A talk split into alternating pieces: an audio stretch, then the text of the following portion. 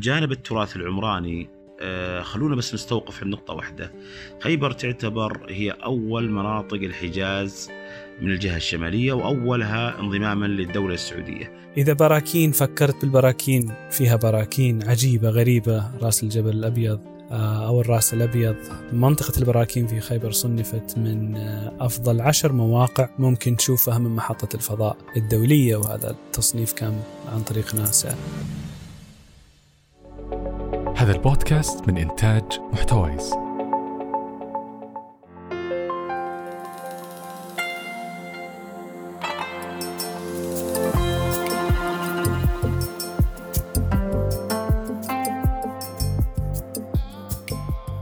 أهلا وسهلا. أنا منى الطريف وهذا ظرف مكان. هنا بنتكلم عن الأماكن اللي زرناها والأحداث اللي مرينا فيها والقصص اللي نحلم بيوم من الأيام إننا نرويها. هذا الموسم من ظرف مكان هو تحية إجلال وتقدير للأجداد اللي بنوا بيوتهم بأيديهم وعاشوا فيها حياتهم البسيطة وللأجيال اللي حافظوا عليها وبقت شاهد على تراثنا الجميل. إلى القرى التراثية بتكون رحلاتنا. بوابة الحجاز الشمالية ومعبر القوافل التجارية ونقطة التقاء رحلة الشتاء والصيف. في هذه الحلقة نتجه إلى واحدة من أقدم الواحات في منطقة الحجاز واللي تاريخها يعود إلى زمن العمالقة. منطقة أشبه ما تكون بلغز كبير. إلى خيبر بتكون وجهتنا ويصحبنا فيها المرشد السياحي المهندس محمد الخيبري. تقع محافظة خيبر في منطقة المدينة المنورة وتبعد عنها حوالي 160 كيلومتر على الطريق اللي يربط المدينة المنورة بمنطقة تبوك. وبمشاهدة الخريطة نلاحظ أن خيبر تقع بين أهم المناطق في شمال شبه الجزيرة العربية. غربها العلا وشرقها حائل وشمالها تيماء وجنوبها المدينة المنورة. هذا الموقع الاستراتيجي خلق ارتباط مع هذه المدن التاريخية وهذا بالتأكيد يدل على تقاطعها مع الحضارات اللي مرت على المنطقة. أما عن بداية تواجد الإنسان في خيبر فتذكر المصادر أنها تعود إلى حوالي ثلاثة آلاف سنة وتعاقبت بعد ذلك عليها الأمم. من نتحدث عن خيبر فلا بد أن نذكر أنها صاحبة القاموس التاريخي والنقوش والمذيلات الحجرية المنتشرة. بكافة أطرافها وأوديتها تحاكي الأقوام السابقة والأقوام اللي عاشرت وتعايشت بداخل واحد خيبر. قيل الناس اسمها يعني الحصون والقلاع فهي مدينة الحصون والقلاع وتملك سبع حصون حصينة محصنة شرفت في موطئ قدم الرسول صلى الله عليه وسلم في السنة السابعة للهجرة. حققت فيها الإسلام نصرا قوي قلب الموازين في الجزيرة العربية للإسلام والمسلمين. تملك خيبر سبع قرى تراثية عاصمتها قرية بشر التاريخية ثم كيدة ثم أبو شيع والروان والنطاو والمشرقة ووجدة وسللي. وفي الوقت الحالي آه، يعملون أبناء خيبر الحين على إعادة ترميمها وتأهيلها لأجل تستقطب زوار المنطقة. ولا ننسى أن خيبر تعتبر ثاني أكبر حرة على مستوى الجزيرة العربية. فيها أطول الكهوف البازلتية فيها القمم البركانية التي يزيد ارتفاعها عن 2000 متر فوق سطح البحر. طبعا ما يميز هذه المنطقة برودة جوها صيفا وشتاء وأيضا تحيط خيبر واحة النخيل والرمال في منطقة جدعة التابعة لمحافظة خيبر. من جانب التراث العمراني آه، خلونا بس نستوقف عند نقطة واحدة. خيبر تعتبر هي أول مناطق الحجاز من الجهة الشمالية وأولها انضماما للدولة السعودية حيث ضمت خيبر لعهد آه، الدولة السعودية الثالثة في عام 1340 أطلق عليها الملك فيصل رحمة الله عليه بوابة الحجاز الشمالية. طبعا تملك خيبر موروث وتراث شعبي و حضارة مختلطة بين الحضارة النجدية وبين الحضارة الحجازية بحكم اتباعها بداية حكمها إلى حال لمدة خمسين سنة والآن الخمسين سنة الأخيرة تتبع لمنطقة المدينة المنورة فأخذ طابع ال- ال- التعايش من ناحية المباني والعادات والتقاليد الحضارة ال- النجدية والحضارة الحجازية. آه، طبعا آه، البنيان في خيبر يتكون من آه، بالعادة حجار بازلتية آه، أكرمكم الله وأجاركم التبن والطين وسعف النخل وجريد النخل فهي تتكون مباني من واقع الحياة الموجودة في خيبر من ناحية النخيل ومحاصيل النخيل وإنتاجاتها.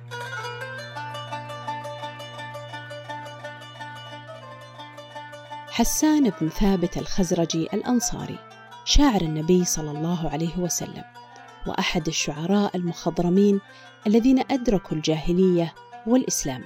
عاش ستين سنة في الجاهلية ومثلها في الإسلام. كان من أهل المدينة وسكانها.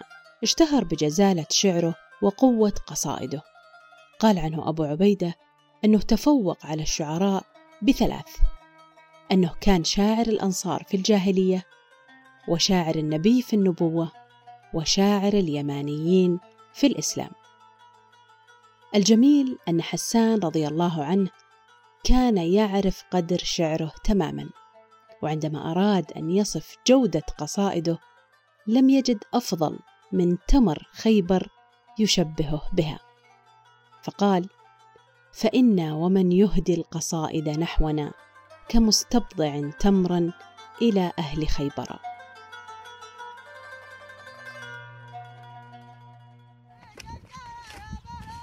الزراعة من أهم المهن اللي كانت وما زالت يمارسها أهالي خيبر واللي ساعد في استمرارها جيل بعد جيل هو خصوبة التربة ووفرة المياه. لذلك نجد أن النخيل جزء أساسي من تكوين المنطقة والتمور جزء أساسي من النظام الغذائي فيها. عرفت خيبر بتنوع تمورها وجودتها اللي شهدت لها أم المؤمنين عائشة رضي الله عنها عن النخيل والتمور وعلاقتها الأزلية بخيبر.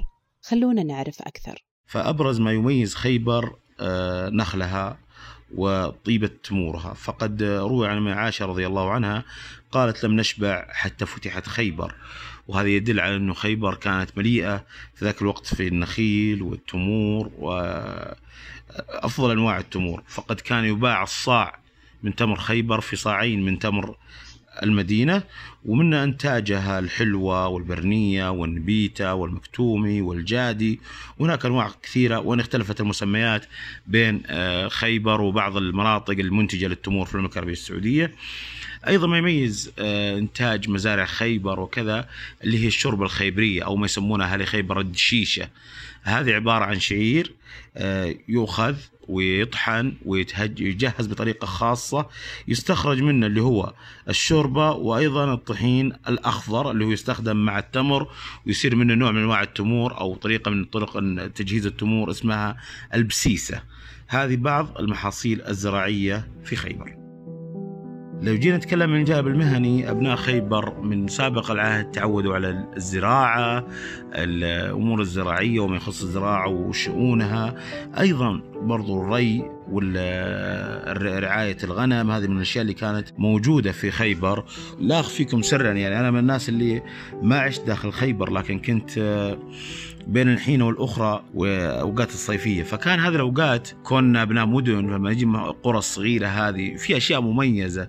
كان دائما اللي يقبل من خيبر خصوصا اللي جاء من منطقة ال- تبوك وكذا من شمال المملكة إلى خيبر تقابل ال- ال- النخيل يقابلوا ريحة ال- الموية العيون الجارية وكذا. فكانت يعني من الأشياء اللي تستهوينا جدا وكنا دائما نحب نكون يعني أوقات الصباح كذا الباكر نطلع مع كبار السن من الآباء والأجداد للمزارع السباحه في البرك والسباحة في العيون.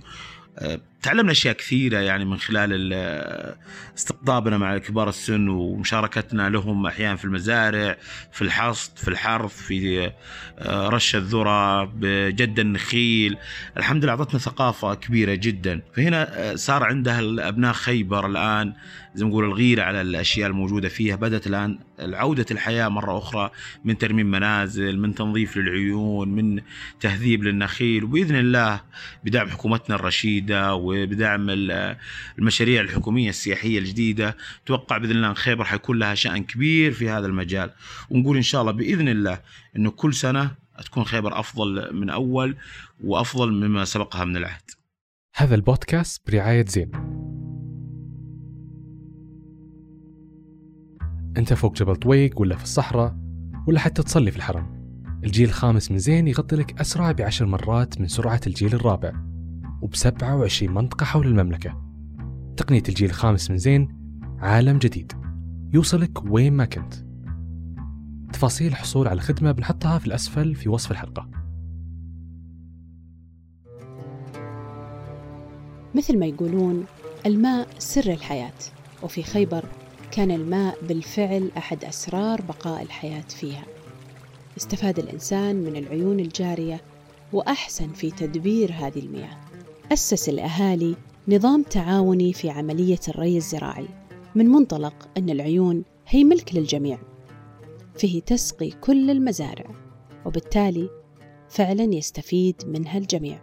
في النهار تقسم الأوقات إلى سبع فترات أو مثل ما يسمونها وجبات. تبدأ من الفجر وحتى الغيبة اللي هو وقت غروب الشمس. وفي المساء تقسم الأوقات إلى أربع فترات يعتمد الأهالي على مواضع النجوم في تحديدها. وبكذا أصبح تقسيم مياه العيون على مدار اليوم بطريقة اجتماعية فعالة حافظوا فيها على جميع المزارع. ما يميز خيبر عيونها الجارية؟ خيبر تملك أكثر من 300 عين جارية. آه، سبب جريان العيون وكثرتها في خيبر السدود المحيطة في خيبر. ومن ضمنها سد الصهباء أو القصيباء. وهو يعتبر من أقدم السدود التاريخية التراثية بطول تقريبا تجاوز ال 300 متر وارتفاع تجاوز ال 30 متر. طبعا وأيضا سد المشقوق والزايدية والحصيد عدة سدود موجودة في آه، خيبر. كان البعض يتساءل إنه هل العيون هذه جديدة في خيبر أو قديمة؟ لا بالعكس أغلب العيون الموجودة في خيبر هي عيون قديمة أساسا يعني. من ضمنها عين كان يطلق عليها عين الحمه فلما جاء الرسول صلى الله عليه وسلم في غزوة خيبر أعدل اسمها واسماها عين الجمة. وما زالت قائمة. وما يميز هذه العين أن فيها ما يقارب 13 عين جارية على نفس مسار هذه العين حتى تصل إلى عين سميت بقسمة الملائكة. عندما كان الرسول صلى الله عليه وسلم بقسمة غنائم خيبر آه هذه العين حضرت زي ما نقول وكان لها وجود فكان عند قسمة الرسول صلى الله عليه وسلم رمى باثنين من الأعواد في الأرض فاتجهت آه البعض منها للشمال وبعض منها للجنوب فأسماها الرسول صلى الله عليه وسلم بقسمة الملائكة. لا يمكن أن نتحدث عن خيبر وما نذكر جانب من أهم معالمها التاريخية الحصون اللي شكلت محور أساسي في غزوة خيبر الشهيرة بين المسلمين ويهود خيبر وانتهت بفتحها جميعا ابتداء بحصن ناعم أو حصن مرحب نسبة إلى الفارس اليهودي مرحب ثم حصن الصعب ثم قلعة الزبير ثم قلعة أبي ثم حصن النزار ثم القاموس والوطيح والسلالم. ثمانية حصون منيعة كانت تحمي خيبر. بعضها استطاع فريق إرث للتوثيق الجوي تحديد مواقعها بناء على المعلومات المتوفرة في المصادر التاريخية. وأيضا اجتهادهم في تتبع أحداث الغزوة. يذكر الكابتن الطيار عبد العزيز الدخيلي مؤسس الفريق اللي نشر صور عديدة لهذه الحصون واجتهد في ربط الأحداث بالمواقع أنهم لم يتمكنوا من تحديدها كلها ولا أحد يمكنه ذلك بشكل جازم لأن بعضها لم يتبقى منه إلا ركام من الأحجار. أهلا معكم دعاء البري وهذا بودكاست عند اللزوم. هنا راح نتكلم عن أهم الحوادث والظواهر في المجال الصحي وراح نجاوب على أسئلة كثيرة يمكن ما تخطر على بالنا.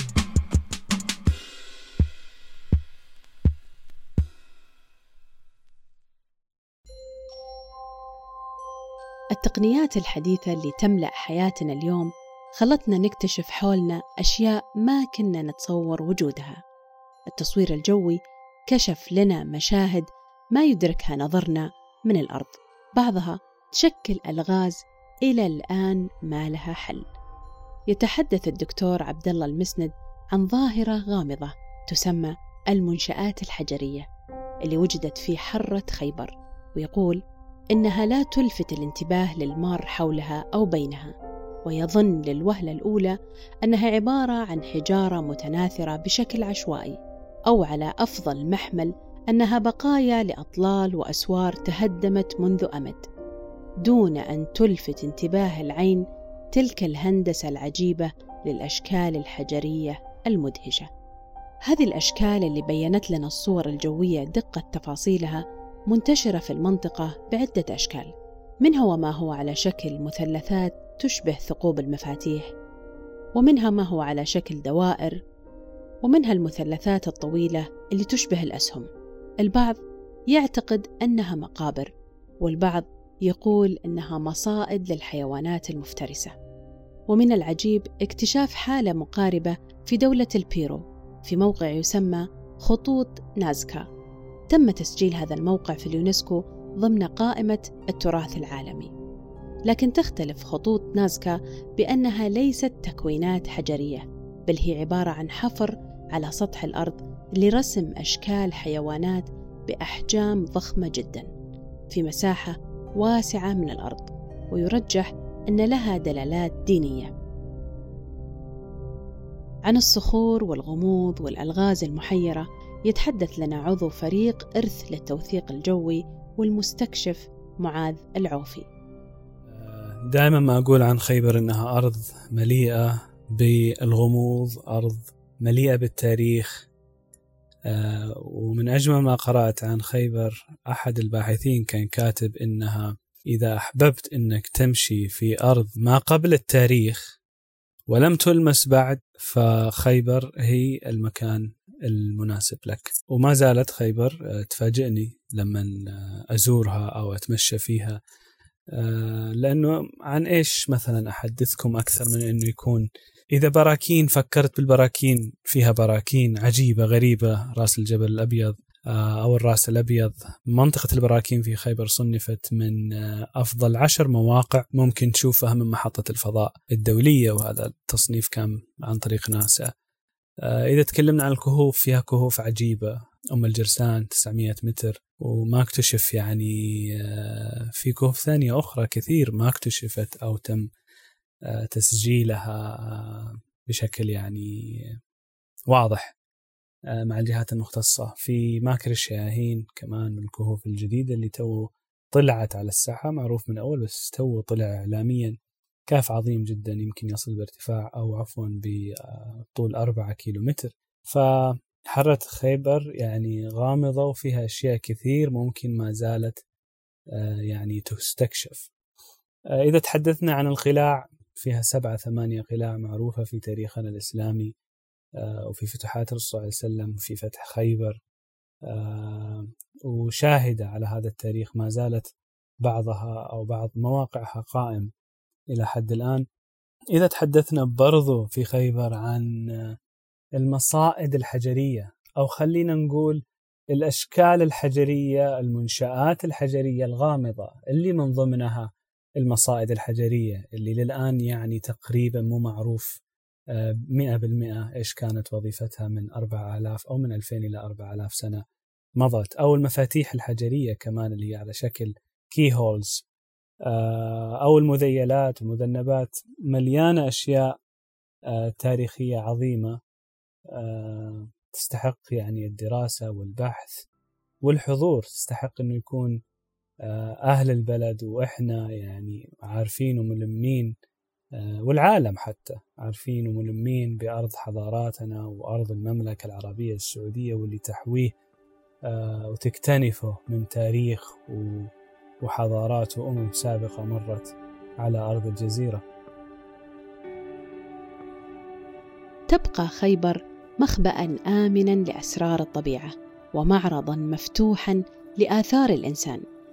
الأكيد أنها تدعو الجميع لزيارتها واختبار متعة الغموض والتساؤل والدهشة. بكذا تكون انتهت رحلتنا في خيبر. نتمنى أنكم استمتعتوا فيها. يسعدنا تشاركون الحلقة مع أصحابكم أو من تعتقدون أنها تهمهم. ولا تنسون تشتركون في بودكاست ظرف مكان عشان توصلكم الحلقات الجديدة. ختاما نزلنا ها هنا ثم ارتحلنا. وهكذا الدنيا نزول وارتحال. رافقتكم السلامة.